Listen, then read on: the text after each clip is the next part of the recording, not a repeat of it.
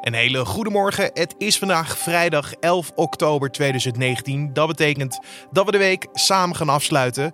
Mijn naam is Carne van der Brink en ik heb weer een nieuwe nu.nl Dit wordt het nieuws podcast voor je. Al sinds woensdag zijn we in de ban van het offensief wat Turkije is begonnen in Syrië. De aanval is gericht op Koerdische strijders die in het Noord-Syrische gebied zitten, waar Turkije een veilige zone wil creëren als buffer tegen terrorisme.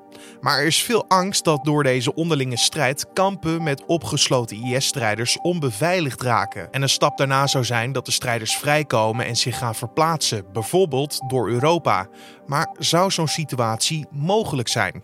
Koerdische strijders vluchten en de Turkse strijders komen eraan, is er sowieso een tijdspanne van een onbewaakt kamp op een of andere manier. Dus dat kan moeilijk anders ja, dat daarvan geprofiteerd zal worden. Je hoorde Koert de Buff, Europees directeur van het Tahir Instituut voor Middle East Policy. Hij weet alles over dit onderwerp en hij legt het je straks allemaal uit. Maar eerst kijken we naar het belangrijkste nieuws van nu.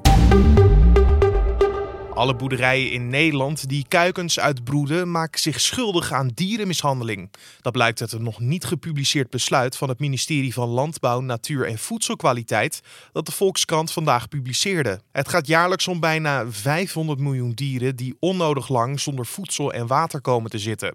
Nadat de kuikens uit het ei komen, kan het soms wel 60 uur duren voordat ze naar een ruimte getransporteerd worden waar ze eten en drinken krijgen. De Universiteit van Wageningen onderzocht dat het sterftecijfer onder kuikens significant veel hoger ligt als ze niet binnen 36 uur te eten of te drinken krijgen. De Nederlandse Voedsel- en Warenautoriteit bleef vasthouden aan de termijn van 60 uur, maar dierenwelzijnorganisatie Wakker Dier spande daarom in 2003 al een zaak tegen hun aan. De rechter oordeelde vorig jaar naar aanleiding van het onderzoek in Wageningen dat de Nederlandse Voedsel- en Warenautoriteit zich moet gaan houden aan de termijn van 36 uur. En deze omschakeling, wat soms in vijf jaar moet plaatsvinden, zou sommige broedboerderijen miljoenen euro's kunnen kosten. De centrale organisatie Broedeieren en Kuikens zegt wel dat de boerderijen bereid zijn om die omschakeling te maken. Het Nederlandse elftal heeft donderdagavond in de slotfase een belangrijke zege geboekt op Noord-Ierland in de EK-kwalificatie. Door doelpunten in de blessuretijd van invaller Luc de Jong en Memphis Depay werd het in de Kuip 3-1. Momenteel gaat Nederland met 12 punten uit 5 wedstrijden aan de leiding in groep C. En Noord-Ierland en Duitsland hebben evenveel punten als Nederland. Maar de Noord-Ieren hebben een wedstrijd meer gespeeld. En Oranje houdt de Duitsers op basis van het onderlinge resultaat onder zich. De nummer 1 en 2 plaatsen zich rechtstreeks voor het EK. En de volgende wedstrijd van Oranje is zondag in Minsk tegen Wit-Rusland. Daarna speelt Nederland nog uit tegen Noord-Ierland op 16 november. En thuis tegen Estland op 19 november. Minstens vier van Trumps nationale veiligheidsfunctionarissen waren op voorhand al bezorgd over het telefoontje dat de Amerikaanse president zou voeren met zijn Oekraïense collega Zelensky. Dat meldt de Amerikaanse krant The Washington Post op basis van bronnen binnen het Witte Huis. Ze waren bang dat de Amerikaanse president tijdens het gesprek druk zou uitoefenen voor politieke doeleinden en deelden hun bezorgdheid zowel voor als na het telefoongesprek met de advocaat van het Witte Huis. Verder zou er eerder in het Witte Huis al gesproken zijn over het feit dat Trump graag de Oekraïense regering onder druk wilde zetten om hem schandelijke informatie over de democratische presidentskandidaat Joe Biden te leveren. De Formule 1-kwalificatie op zaterdag van de Grand Prix van Japan is afgelast vanwege een tyfoon. Dat meldt de Formule 1 op hun eigen website. De kwalificatie wordt erom verplaatst naar zondagochtend 10 uur. En de race zal daarna, zoals gepland, om 10 over 2 plaatsvinden. Dit betekent dat de teams en coureurs slechts twee oefenmomenten hebben op het circuit voor de race. Het is al twee keer eerder voorgekomen dat de kwalificatie op de Grand Prix in Japan is verplaatst naar zondag. Een keer in 2004 en een keer in 2010. En dan kijken we naar het gesprek van deze podcast. Oftewel, dit wordt het nieuws. Je hoorde het net al, sinds afgelopen woensdag is Turkije dus bezig met een offensief in Syrië. De aanval is gericht op Koerdische strijders in het Noord-Syrische gebied, waar Turkije een veilige zone wil creëren als een buffer tegen terrorisme. Deze actie leidde natuurlijk voor vele geschrokken en verbolgen reacties van Europese landen. Maar de Turkse president Erdogan reageerde donderdag gelijk met dreigende teksten. Want als de EU de Turkse inval in Syrië behandelt als een invasie of bezetting, Dan wil hij miljoenen Syrische vluchtelingen in Turkije naar Europa sturen. Daarnaast zijn er gevangenissen en kampen in Syrië waar IS-strijders opgesloten zitten. Vele landen zijn bang voor een scenario waarin deze strijders terugkeren naar Europa. Maar hoeveel IS-strijders zitten er eigenlijk in zo'n kamp? Dat vraagt buitenlandredacteur Matthijs Lou aan Koert de Buff, Europees directeur van het Tagir Instituut voor Middle East Policy. De cijfers zijn niet 100% duidelijk, maar uh, naar schatting zou het gaan om een 12.000-tal personen waarvan er uh, eh, 800 Europeanen zouden zijn. Dus die zitten daar voornamelijk in, in grote kampen, uh, ja, bewaakt door een combinatie van uh, Koerden en tot voor kort ook Amerikaanse soldaten. Maar dat is nu sinds de Amerikanen dus ja, vertrokken zijn uit Syrië, is dat niet meer het geval. Er zijn dus enkel nog de Koerdische strijders uit Syrië die die kampen uh, bewaken. En, en zo'n zo'n kamp, hoe moet ik dat een beetje voor me zien? We hebben natuurlijk uh, beelden gezien uh, allemaal van, van de kampen waar de familieleden van die IS-verdachten zich verblijven. Die lijken wat meer op, op, op ja, zoals je een vluchtelingenkamp voor je ziet. zijn die, die, die Koerdische kampen waar de verdachten zitten, zijn dat echt streng bewaakte gevangenissen? Kan, moet je dat een beetje zo voor je zien? Ja, uiteraard niet. Hè. Dus, dus, dus dat zijn geïmproviseerde kampen. En geïmproviseerde kampen zijn ja, misschien goed bewaakt, maar, maar zwaar bewaakt is een, is ja, is een, zo'n overdrijving zijn. Hè? Dus een, echte gevangenis, zoals we dat uh, bij ons zouden voorstellen, ja, dat is het natuurlijk niet. Uh, het, zijn, ja, het is met prikkeldraad met, uh, enzovoort er rond, met bewakers er rond. Maar voor de rest ja, moet je zich daar voornamelijk geen goed bewaakte gevangenissen bij voorstellen. Dus het is niet zo dat daar, laten we zeggen, vandaag zoveel, zoveel enorme bewaking is. Maar goed, het is wel belangrijk dat ze daar toch wel in kampen zitten. En met misschien links en rechts een ontsnapping waarvan wij weinig van weten, denk ik dat de meeste mensen daar tot nog toe wel nog altijd gevangen zitten. En uh, die, die verdachten, u zegt het al, een, een klein deel komt uh, uit andere landen dan uh, Syrië. Het overgrote merendeel komt gewoon uit de regio. hoe moet ik het voor me zien? Was er al iets van een soort berechting gaande van die mensen? Of, of zijn ze, waren ze in afwachting van? Nee, degenen die in Irak zijn gevangen genomen of in Irak misdaden hebben gepleegd, worden in Irak vandaag al berecht. Maar in Syrië zelf zijn er eigenlijk nog geen berechtingen. Omwille van de eenvoudige reden ja, dat de, de staat van Syrië niet meer bestaat uh, sinds de oorlog. En er ook dus geen ja, ernstige rechtbanken meer zijn. Dus de grote vraag natuurlijk uh, ja, die er was, van ja, hoe zullen we die berechting organiseren? En dit is ook de reden waarom de Verenigde Staten hebben gevraagd aan Europa uh, in februari om uh, de Europese uh, strijders alvast terug te nemen en in Europa te berechten, om dus het systeem daar in Syrië wat te verlichten van die taak enerzijds, maar ook anderzijds omdat ja, president Trump vindt dat het taak is van de Europese landen om dat voor hun eigen strijders ook effectief zelf te doen. De, de Syrische democratische strijdkrachten, die uh, coalitie daar, die uh, wordt geleid door de Koerden. Die hebben al gewaarschuwd dat de, de gevangenen door de Turkse inval waarschijnlijk niet meer goed kunnen worden bewaakt. Omdat de bewakers straks aan het front nodig zijn. in hoeverre acht u dat een, een verklaring die vooral is bedoeld om, om druk uit te oefenen? Die die Koerden die kunnen het natuurlijk niet echt goed opnemen tegen de, de Turkse strijdkrachten.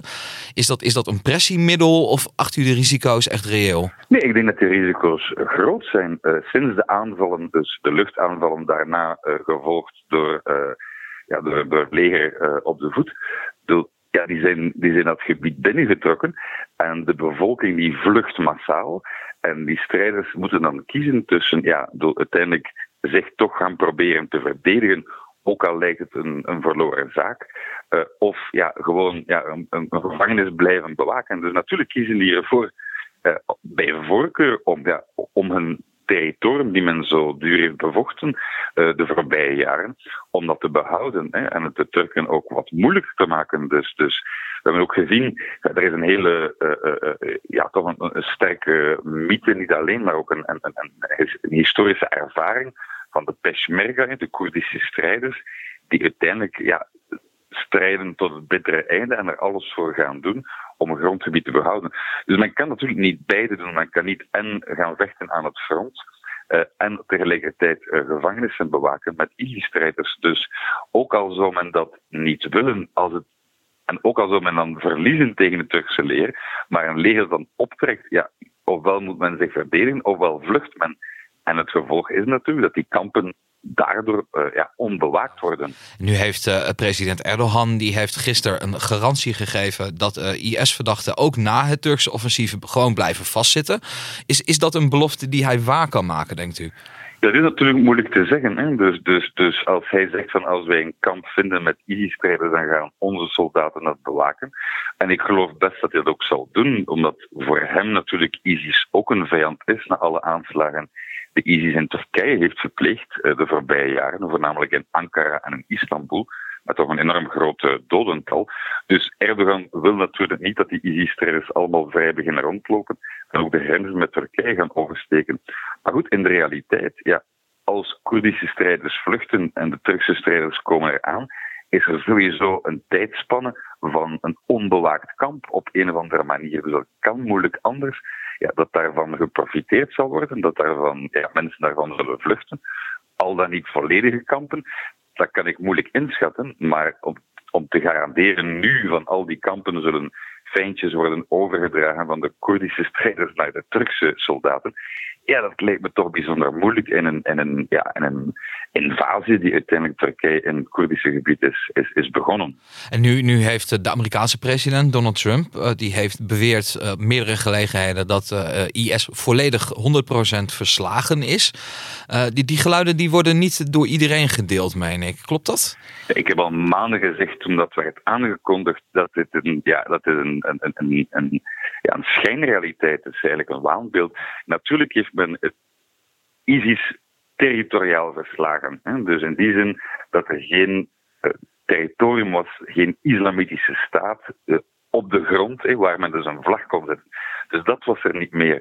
Maar wat er wel duidelijk was, zelfs onmiddellijk na die, die, die, van uh, president Trump, is dat er op verschillende vlakken nog altijd, wat men zegt, kleine pockets waren. Hè.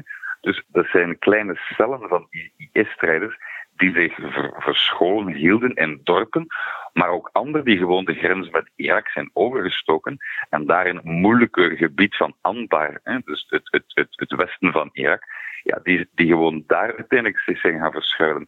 Dus de kans dat op een bepaald moment die communicatielijnen tussen al die cellen opnieuw opgebouwd zouden worden, waarna een hergroepering zou komen, dat is heel duidelijk dat dat er zou komen, omdat er ja, tienduizenden strijders op een of andere manier in dat gebied nog aan het rondlopen waren.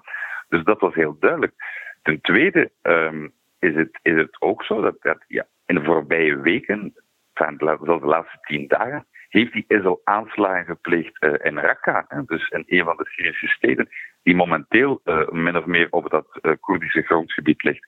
Dus men is helemaal niet uh, uh, uh, dood en begraven. Men is niet helemaal overwonnen. Allee, ISIS is niet helemaal overwonnen. En dat was heel duidelijk van het begin. En dat is vandaag nog veel meer duidelijk. Dus die organisatie is daar eigenlijk opnieuw. En de kans dat eenzelfde scenario zich uh, ontpopt, zoals in 2013 of 2014, ja, is heel erg bestaande. Dan, dan heeft u het inderdaad over die, die, die plotselinge opmars zo, die vanuit het niets leek te komen en, en opeens daar van alles onder de voet liep. Ja, precies. Maar die opmars, die was, men kwam niet ergens binnenvallen vanuit Irak. Nee, die, de, ISIS-strijders, die, die hadden zich ja, verscholen, hadden zich uiteindelijk geïntegreerd in verschillende dorpen. En op hetzelfde moment zijn al die kleine cellen naar buiten gekomen, hebben die dorpen overgenomen. Uh, uh, door allerlei uh, technieken, maar dat zou mij te ver leiden. Maar het is op die manier dat er plots een enorm grondgebied kwam. De uitbreiding ervan is dan door een soort van invasie gebeurd, maar de initiële islamitische staat is geen grote invasiestaat geweest, maar, maar inderdaad cellen die plots boven de grond kwamen. Men heeft hetzelfde geprobeerd in Libië met minder succes, maar het is altijd niet uitgesloten dat het daar ook gebeurt. Maar nu is de kans natuurlijk zeer groot met die kampen die zonder controle, zonder bewaking vallen. Ja, dat die hergroepering er zeer snel zal komen uh, in het oosten van Syrië, rond Deir en dicht bij de grens met Jordanië. En wellicht ook ja, in het westen van Irak. Dus eigenlijk op hetzelfde initiële grondgebied als een islamitische staat van een paar jaar terug. Je hoorde buitenlandredacteur Matthijs Lou in gesprek met Koert de Buff, Europees directeur van het Tahir Instituut voor Middle East Policy. Dan kijken we nog even naar de nieuwsagenda van vandaag. Vandaag begint namelijk de herfstvakantie voor scholen in regio Zuid. En dit zorgt voor de komende twee vrijdagen voor een extra drukke avondspits. Dat verwacht althans de ANWB. De scholen in Noord- en Midden-Nederland gaan pas een week later dicht. Deze vrijdag beginnen de files al rond 1 uur, is de verwachting. Vele mensen gaan dan op weg naar hun vakantiebestemming. En vooral rond Utrecht en Arnhem zal het druk zijn, al dus de ANWB. Na 7 uur is de meeste file-ellende wel voorbij. En vandaag wordt de winnaar van de Nobelprijs voor de Vrede bekendgemaakt. De prijs wordt toegekend aan mensen die zich verdienstelijk hebben gemaakt bij de bevordering van de vrede. Vandaag wordt bekend wie de prijs wint, maar in december zal de prijs pas worden uitgereikt in het raadhuis van Oslo. En dan nog even het weer. Het gaat vrijwel in het hele land regenen vandaag. Vooral in het noorden en het noordwesten kunnen zware buien vallen. Het wordt ongeveer 15 graden met een matige tot harde zuidwestenwind. Later op de middag kan het rond de kustgebieden hard gaan waaien en onstuimig worden. En natuurlijk gaan we deze week ook weer afsluiten met ons wekelijks wetenschapsblokje. Een bijzondere ontdekking of een opmerkelijk onderzoek, dat bespreken we aan het eind van de week. En iemand die dat uitzoekt voor ons is nu.nl-redacteur Thomas Krachten. En ik kan hem gewoon simpel de vraag stellen: waar wil hij het deze week over hebben? Uh, biologen hebben deze week ontdekt dat een bepaalde inktsoort uit de Grote Oceaan uh, meer vratjes op de huid heeft naarmate het dieper in de oceaan leeft, dieper onder water leeft. En niet alleen meer vratten, maar ze zijn ook de, de varianten van die soort die dieper leven, zijn ook kleiner dan degene die meer boven water leven. Want het is geen nieuw soort octopus, toch? Nee, het is, uh, dat was wel een twijfelpunt van, uh, van wetenschappers. Uh, ze zijn tot, tot, tot ongeveer 2,7 kilometer diep gedoken in een speciale onderzeeër om het, om het uit te zoeken. Um, en je, ze zagen dus naarmate ze, naarmate ze dus dieper kwamen dat die soort dus meer bubbel, bobbeltjes op de huid had en dus kleiner werd. Uh, en maar het DNA-onderzoek blijkt toch echt dat het om hetzelfde soort gaat. Alleen, ja, ze zijn dus door, door hun leefomgeving uh, aangepast. Maar we weten dus nu dat hij die uiterlijke kenmerk heeft, de octopus. Heeft het verder nog gevolgen voor het dier? Nou, we weten er eigenlijk nog vrij weinig van wat het nou precies impliceert. Uh, dat, dat, dat formaat van die, van die octopussen kan bijvoorbeeld komen omdat ze minder voedsel hebben daar diep, diep in de zee. Dus uh, minder eten, minder groei. En dat leidt dus ook weer voor minder grote nakomelingen, waardoor, de, waardoor die soort dus kleiner wordt. Maar wat die vatjes dan bijvoorbeeld betekenen, ja, geen idee nog. Want uh, laat deze ontdekking dan eigenlijk ook zien dat wij heel weinig weten over wat er allemaal uh, zwemt in die oceaan? Het, het, dat benadrukt het eigenlijk wel. Er is, naar verschillende schattingen is er ongeveer 80% van de oceanen op aarde uh, is nog niet ontdekt, is nog niet geobserveerd of in kaart gebracht. Dus ja, zeg dan nog maar, kan dan, durf dan maar te zeggen wat voor diersoort we eigenlijk allemaal al hebben. Durf dan maar met zekerheid te zeggen, dit weten we al.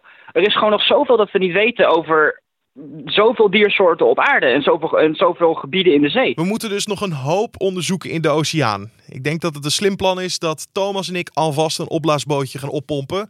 Maar in de tussentijd hoor je natuurlijk volgende week vrijdag Thomas Krachten weer met een nieuw onderzoek of een, nieuwe ontdekking. En dit was dan weer de Dit wordt het nieuws podcast voor deze vrijdag 11 oktober. Je kan ons laten weten wat je van deze podcast vindt door een mailtje te sturen naar podcast@nu.nl of je kan, als je zo vriendelijk bent, een recensie achterlaten in iTunes. En zo kan je ons heel erg helpen, namelijk als je een geschreven tekst achterlaat of een sterrenrecensie geeft van 1 tot en met 5. Want zo help je deze podcast ook beter vindbaar voor anderen. Verder zijn we vanmiddag natuurlijk weer terug met de Week van Nu podcast. Daarin bespreken we eigenlijk wat ons het meeste opviel aan deze nieuwsweek. En die kan je dus vanmiddag gewoon luisteren in deze podcast feed. Mijn naam is Carne van der Brink. Ik wens je een hele mooie vrijdag, een mooi weekend. En mij hoor je maandagochtend weer. Dus tot dan.